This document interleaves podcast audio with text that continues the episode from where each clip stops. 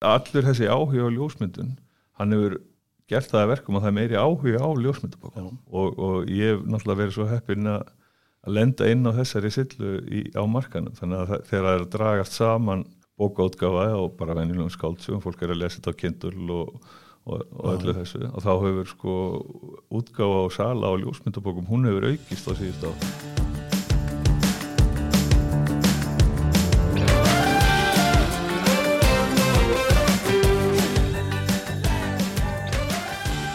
Komið sæl, ég heiti Grímur Kolbinsson og verið velkomin í hlaðvarpið augnabliki yðnaði. Við fengi hinga til okkar í spjall Martin Jónasson, prentmillara og við bjóðum hann hjartanlega velkomin. En svona áður við byrjum spjallið, hver er Martin og hver er bakgrunnið þinn? Sæl Grímur og takk fyrir að bjóða mér í þáttinn. Gaman að fá að vera með þér hérna og spjalla eins um, um prentbransan. Já, ég hérna, hver er Martin? Ég er viðskiptafræðingur á ment. Svona fyrstu árin eftir að ég útskrifaðist þá hérna vann ég í útgáfubransanum, sérst útgáfum eigin í, í hérna bransana var hjá, var fyrst með mín eigin bó, litlu bókaútgáfu, var sérn í, í bladaútgáfu og var síðan hérna hjá Bildingi tímarættútgáðinni lengi og var þær í auglýsingum og, og sá, sá einnig öll inköp á prentun fyrir öll, öll tímarætt Bildings og svo var það árið 2007 áspyrjun þá fór ég að vinna hjá Prensmiðnóta og fyrir raun og svona, svona hinnum við borði fyrir að, hérna, starfa prentmegin og er búin að vera þar sagt, í, í prentmegin í bransanum æg síðan. Og, og hérna 2009 síðlega árs þá tók ég að mér fyrir Prensmiðnóta að sjá um, um sölu á prentverkinu í, á Amerikumarkaði brentun á ljósmyndabókum og listaverkabókum og slíku fyrir prensmiðunóta flutti síðan út uh, til New York 2010 áspyrjun og var þar í tíu uh, já, rúm tíu ár fyrir fyrst prensmiðunóta og, og síðan ég man ekki alveg ástölin en, en hérna alltaf ekki verið 2006-07 þegar, Otti hættir að framlega hérna harspjaldabækur Að, að þá stopnaði ég mitt eigi prentmjöluna fyrirtæki sérst, í, í svona bara raugrættu framaldi af því sem ég hafi verið að gera fyrir åtta þá, þá stopnaði ég mitt eigi fyrirtæki og, og flytir og nú eru prentuna þá sérst, var åtti hættur að, að framlega bækurna sem ég var að selja. Þannig að þá flyt ég prentuna til Östur-Európu og er búin að vera að prenta í Slóinu, Kroatíu Bosníu hérna síðan þá Þetta er árið 2017, ekki rétt, cirka? Já, ég held að það hefur verið 16-17 eitthvað sem, sem að þetta breytist. En, en hver er munurinn að selja prentverk í Ameríku eða selja prentverk á Íslandi? Sko, þetta var náttúrulega þegar ég fer út fyrir 8 þá erum við náttúrulega einbytt okkur ákveðni svona sillu á, á markanum. Við vorum ekki að, vorum aldrei og ég hef aldrei verið í því að selja prentun á, á svarkvitum textabókum þetta verður alltaf snúist um svona hákjaða fjörleitaprentun alltaf snúist um, um hérna, bókband sem er, er sérstakt öðruvísi. Þannig að þetta er svona náttúrulega mjög stór hluti að íslenska markanum snýr að textabókum skaldsögum, ljóðabókum slíku. Þannig að hérna, það er náttúrulega fyrsti og svona reygin munun að það sem ég hef verið að sísla við þarna síðan 2009 út í Ameríku þetta hefur alltaf verið, verið þetta svona hákjaða já, svona þessar, þessar fjórlitabækur og, og þetta hákjaða verk. Þannig að, hérna, að það er svona fyrsti og er svona náttúrulega bara grundvalda munu, það er náttúrulega lítið af það er náttúrulega lítið af ljósmyndu á listaverkabókun sem kemur út á Íslandi, ég minna það tilur kannski ykkur að, ég tek ekki 20-30 tilla ári sem eru þannig bækur, svo náttúrulega pluss matríslubækur og, og ferðabækur og svona vennilega fjórlitabækur En, en hérna, já það er svona mest í munurinn sko. Þannig að þetta hefur verið svolítið sérhæft sala hjá þér þarna úti. En kaupendur á svona brentverki, nú er þeirra, nú er þetta ekki bara stór bókafárlög eða slíkt, nú er þetta greinlega einstaklingar, já, já, það, það er samtök. Já sko, kurnarnir mínir og, og þetta áður en ég fór í þetta sjálfur, þetta voru aldrei, eða mjög sjaldan stórfórlega þetta eru mest sko galleri sub, þetta eru fyrirtæki sem er að gefa út ammælisbækur eða eitthvað svona sérstakar hérna, bækur til þess að kynna starfsemi sína eða eitthvað svo leiðis og kunnarnir eru það sem við, við myndum kalla við lítil forlög hérna, eða kanadi myndum kalla lítil forlög sem eru svo sem ágættis forlög með kannski íslenska markaðin en þetta eru allt svona frekar, frekar minni kunnar og ofta tíðum eru kunnandi minni mjög óvanir prentköpundur þannig að það er svona, þeir þurfa mikla hjálp í sambandi við hérna bara svona tekníska eða teknilega hjálp við þú veist, hvernig það á að gera bók. Þeir, þeir koma oft til mín og þeir hafa ekki hugmynd um hvað er, hvað er örk eða hvað eru sörblöð eða hvað er hérna, þeir hafa ynga hugmynd um hvernig það á að gera bók Þannig, þannig þú hefur þurft að leiða svolítið gegnum þetta ferli og, og, og, og hjálpa þeim á, á allan móta. Já,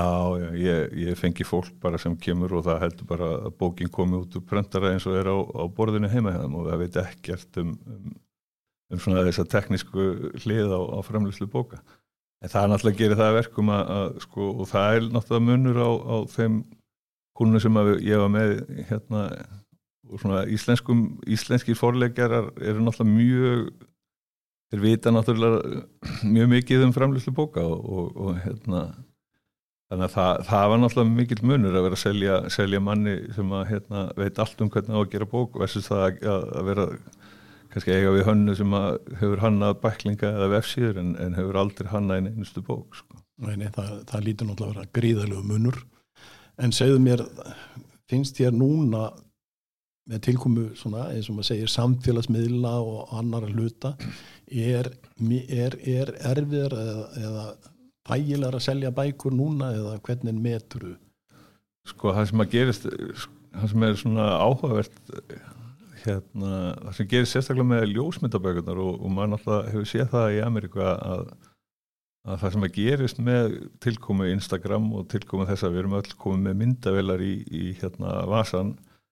og, og svona þú veist allt, allir, þessi endalusa myndbyrðingar á netinu og fólk allir að taka myndir og taka myndir. Að það sem að gerist er að það ykst bara almennur áhuga á, á ljósmyndum og með öllum þessum hérna aðra grúa ljósmyndum sem að er á netinu og þá er ég að tala um falli, þá er ég að tala um svona mynd, ljósmyndir, ekki bara myndir af einhverjum veislum eða, eða einhverjum gleðum, heldur bara alvöru ljósmyndun að, að það hefur aukist svo mikið magnið af, af, hérna,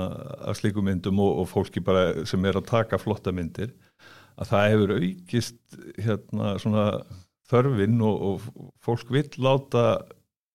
það hefur aukist svona þörfin fyrir ljósmyndabækur það sem er búið að gera hérna, taka myndir og segja ykkur að sögum um myndunum það sem að það sem að sko vil nú síður vera að sleppa það sem er svona búið að kjúreita sko, búa til eitthvað fæ, fæ bókum eitthvað ákveð efni og það er búið svona þannig, þannig að allur þessi áhuga á ljósmyndun hann hefur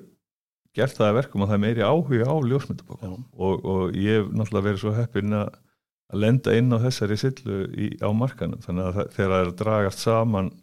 bókaútgafa og bara venjulegum skáldsugum, fólk er að lesa þetta á kindul og og, og öllu þessu. Og þá hefur sko útgáfa á sala og ljósmyndabókum hún hefur aukist á síðust árum sko.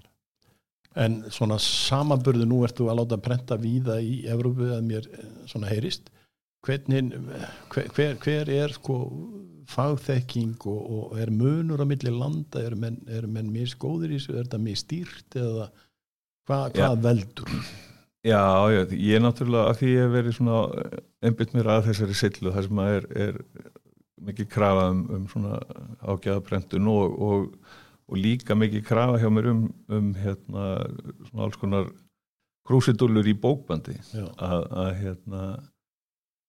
sko það sem að kom ég náttúrulega doldið óvart er að ég í raun og veru flýtt prentununa frá Otta hérna heima eða Otti hættir að, að framlega hafspildabækunar og ég fer annað það kemur mér á óvart hvað er mikil og góð þekking í Östur-Európa það virðist vera mikil hefð fyrir, fyrir prentunar og, og hérna gæðin prentgæðin hafa, hafa hérna ég segi ekki þau eru kannski ekki alveg svömu að hjóta því átti náttúrulega var og er einstakt fyrirtæki því það er náttúrulega fagþekkingin þar er náttúrulega alveg gríðaleg sko. Og mest í munun og það sem hefur svona verið erfiðast innan gæðsalappa fyrir mig að, að, að eiga við er, er að, að svona þessi sveigjalegi sem Otti hafði. Maður kom kannski með hérna, sumi kúnandi mín er náttúrulega fá brjálaðislega hugmyndi með, með bókband. Og það var svona upp í Otta þá var einhvern veginn þá var einhvern veginn aldrei bara já nei þetta er ekki hægt. Það var alltaf bara heyrðu býtu hvernig gerum við þetta? Og svo var hérna sest niður og, og, og það var kannski ekki hægt að gera nákvæmlega rögli sem að hannuðinu dætt í hug en það var mjög oft sem við gáttum gert hérna svona komist að niðurstöðum hvernig við erum hægt að gera mjög furðulega hluti í bókbandi sem að er miklu miklu erfiðara í Östur-Európu. Þeir svona eru meira og sérstaklega eins og brensmiða sín notum ekki í Bosníu að það er svona doldið sko, þú, þú getur fengið hvaða hérna gamla Ford sko, þú getur fengið hvaða lit sem er, svo lengi sem það sé svart sko. en svo eru prensmir það það er fína prensmir í Slóinu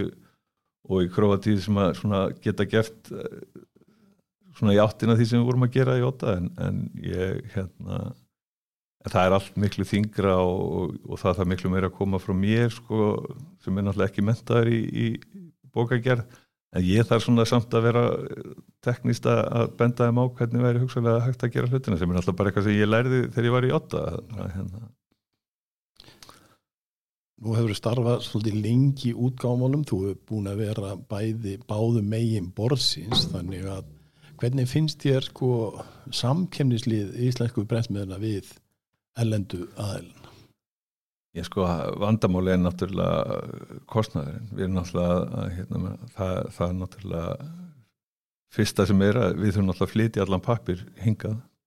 Það, það er hérna það er svona þá, þá er ég náttúrulega að tala út frá, frá Amerikumarkanum sko. En, en og þetta er náttúrulega launakostnæðurinn og, og, og þetta samkefnist að okkar í, í sam, svona verðilega er náttúrulega mjög erfið. Já. ég meina við erum að borga ég veit náttúrulega ég held að við erum svona tveimur árum þá var ég að ræða þetta við, við hérna í Slóinni og þú veist góður prentari þar er kannski að kosta fyrirtæki 2500-3000 eurur á mánu meðan góður prentari á Íslandi, ég veit ekki hvað hann þú veist það er allavega verulega mikið meira sem að hann kostar fyrirtæki Já. þannig að bara þar er, er hérna þú veist en, en e, ég á svo sem er auðvitað með að meta kannski stöðun á prentmarkanum í Íslandi svona í heild sko Já, er þetta einbeitar á öðru svæði? Já, já, en ég veit það hins vegar að þeir prentar á Íslandi er að lenda náttúrulega í sama og, og ég fekk ég mitt sendt bara frá, frá hérna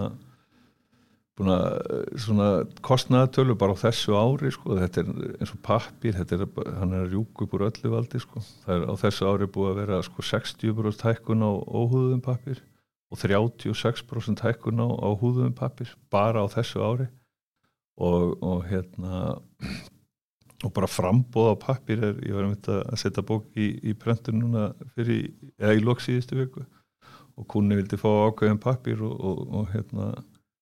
og það kom frá, frá, frá pappispi hérna millinni, það kom sko ef þú getur fengið hann afgriðan fyrstu tvær vikunar í april, þá panta núna en við getum samt ekki lofaði Já, þetta er alveg nýtt. Og þetta er, þetta er alveg nýtt. Þetta er aldrei verið. Og þetta er náttúrulega ekki takt að vinna svona en, en það, þetta er mjög þetta er mjög hérna og þeir svona þetta er náttúrulega ekki þetta er ekki margar þetta er ekki marga millur sko Nei, nei og það var einmitt hérna í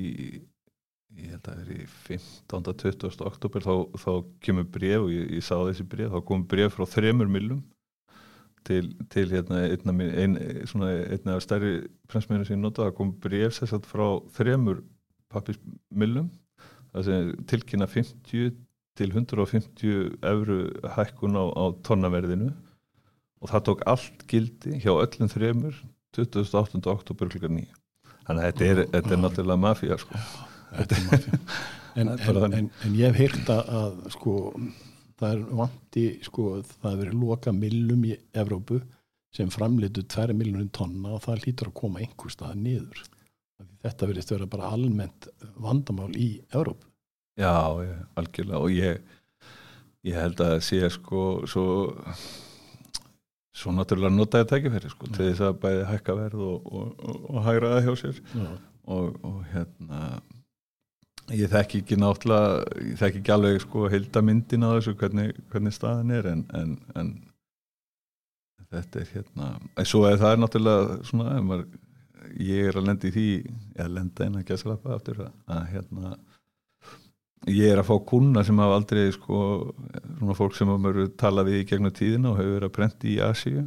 mest í Kína og það er að koma núna og vil bara fara til Evrópu því að það er náttúrulega gríðarlega vandræði með flutning bæði, bæði tímalega og kostnælega því frá, frá Asíu. Þannig að það er hérna það er svona að koma það er, að, það er búið að vera mjög mikið að gera hjá mig síðust 2-3 mánu og þe- þetta er svona algjör viðbútt að vera að fá þessa kuna sem hafa verið í Asíu sko. Þá er eh, svona, sér þú einhver tækifæri fyrir íslenskan brendinað á erlendu mörgum?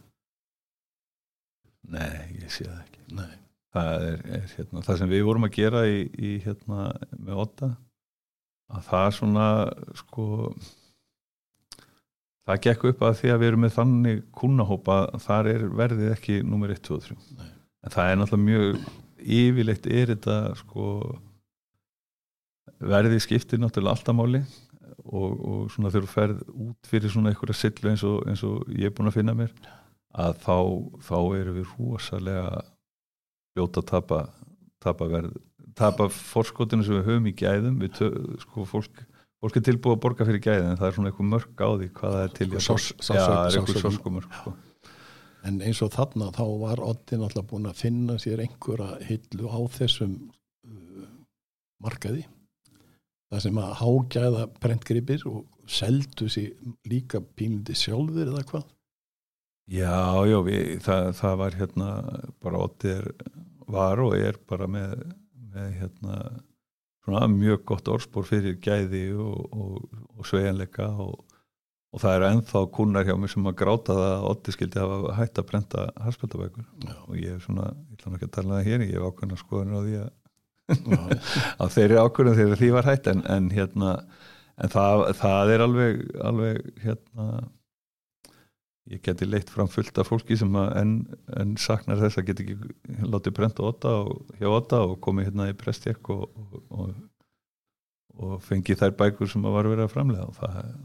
það er bara þannig